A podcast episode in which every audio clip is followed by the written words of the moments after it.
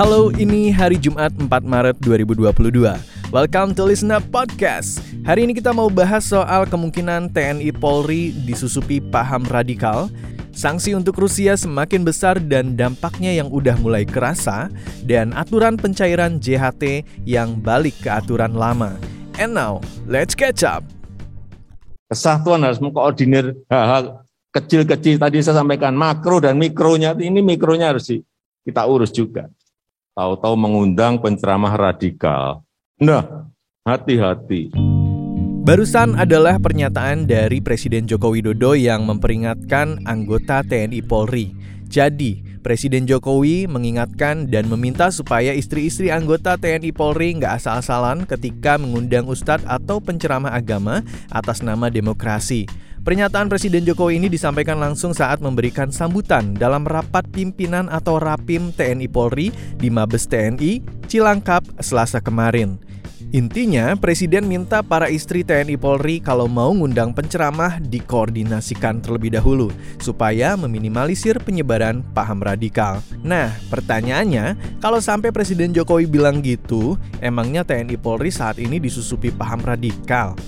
Sehingga kalau Presiden memberikan amanah, menyampaikan pesan, mengingatkan, mengarahkan atau menasehati di depan rapat pimpinan TNI Polri itu, itu artinya bahwa ada sesuatu yang harus memang segera diperbaiki. Makanya Bapak Presiden menyebutkan ditertibkan.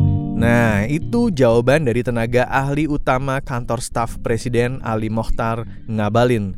Lebih lanjut, Presiden Jokowi juga menegaskan bahwa udah waktunya TNI Polri harus berbenah, salah satunya berkaitan soal kedisiplinan anggotanya. Soal kedisiplinan ini nih, yang jadi perhatian banget karena kedisiplinan di lingkungan TNI Polri bukan cuma di para anggotanya aja, tapi juga istri tiap anggotanya.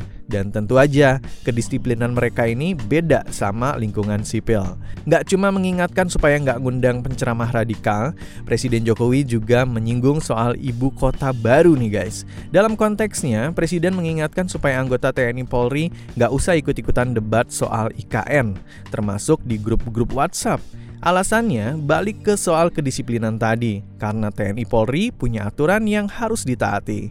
Nah, Menanggapi arahan Presiden, KSAD Jenderal Dudung Abdurrahman mengingatkan ke seluruh Pangdam dan Komandan Korem alias Danrem buat nggak asal-asalan milih penceramah, jangan sampai penceramah yang diundang terpapar paham radikal.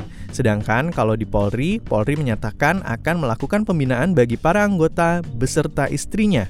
Hal itu disampaikan oleh Kadif Humas Polri Irjen Dedi Prasetyo. Dan kalau ada anggota Polri yang kedapatan melanggar, maka akan langsung ditindak tegas oleh Divisi Propam Polri.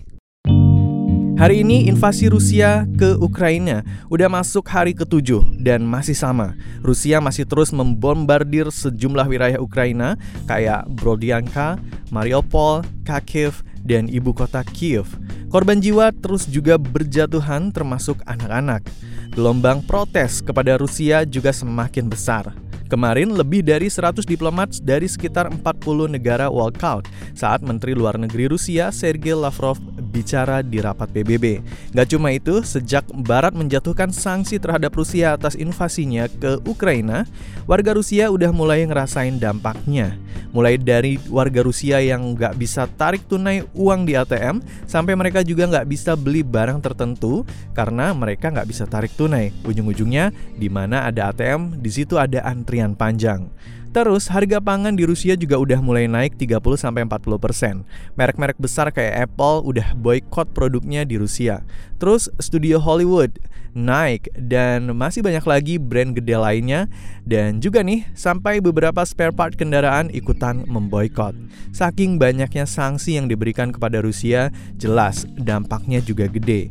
Politisi dari oposisi pemerintahan Putin, Yulia Galiamina, bilang di laman Facebooknya saat ini Rusia sedang menghadapi kenaikan harga, PHK massal, sampai penundaan pembayaran tunjangan atau pensiun. Dan saat ini sentimen anti perang di Rusia gelombangnya semakin besar. Ribuan orang menandatangani surat terbuka dan petisi online menuntut invasi Rusia dihentikan. Petisi itu sampai berita ini disiarkan udah diteken lebih dari satu juta orang. Sejak hari pertama invasi, ribuan warga Rusia turun ke jalan dan udah 7.000 demonstran yang ditahan dalam seminggu ini. Ada juga nih seorang pengusaha Rusia namanya Alex Konanikin yang menawarkan 1 juta US dollar atau sekitar 14 miliar rupiah untuk kepala Presiden Putin. Gak cuma itu, Alex juga mendesak para perwira militer Rusia untuk menyeret Putin ke pengadilan. Gak ngerti lagi sih gimana ngungkapinnya, tapi ini sedih. Anak-anak usia 7 hingga 11 tahun di Moskwa ditahan oleh polisi bersenjata karena mereka naruh bunga di kantor kedutaan Ukraina di Moskwa. Anak-anak itu juga pegang poster yang tulisannya tidak untuk perang. Tapi ibu dan anak-anaknya semuanya ditahan. Bukan cuma Sri Mulat yang lucu, bukan cuma konten yang bisa digimikin, aturan menteri juga bisa jadi bercandaan yang bikin publik marah sekaligus ketawa. Karena Menurut Menaker Ida Fauziah, kami sedang melakukan revisi Permenaker nomor 2 tahun 2022. Insya Allah segera selesai. Kami terus melakukan serap aspirasi bersama Serikat Pekerja dan Serikat Buruh, serta secara intens berkomunikasi dengan kementerian atau lembaga. Perlu saya sampaikan kembali bahwa Permenaker lama nomor 19 tahun 2015 saat ini masih berlaku dan masih menjadi dasar bagi teman-teman pekerja ataupun buruh untuk melakukan klaim JHT. Tidak terkecuali bagi yang ter-PHK maupun mengundurkan diri tetap dapat klaim JHT sebelum usia pensiun. Yap, congratulations to you guys yang udah ikut demo tolak aturan pencairan JHT di umur 56 tahun. Atau mungkin lo nggak ikut demo tapi tanda tangan petisi penolakan. Jadi, setelah bikin heboh dan bikin serikat pekerja marah dan mungkin lo juga kecewa guys atas Permenaker nomor 2 tahun 2022 di mana pencairan JHT baru bisa dicairkan saat umur 56 tahun.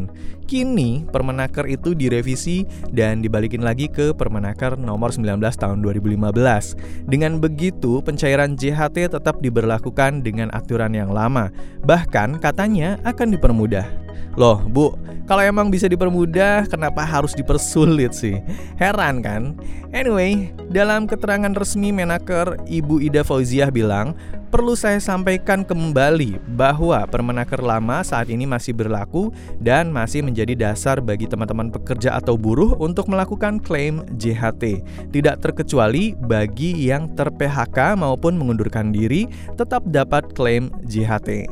Nah, ingat nih guys, Permenaker nomor 2 tahun 2022 itu bukan dicabut ya, tapi direvisi. Kita belum tahu juga revisinya bakal kayak gimana, tapi Ibu Ida sih bilangnya revisinya bakal menyerap berbagai aspirasi bersama serikat pekerja. Terus Bu Ida juga menekankan program jaminan kehilangan pekerjaan atau JKP bagi yang kena PHK udah berjalan. Dengan begitu, saat ini program jaminan sosial ketenaga kerjaan yang berjalan ada JKP dan JHT. Thank you for listening. Listen up. Stay safe, stay healthy. Happy weekend.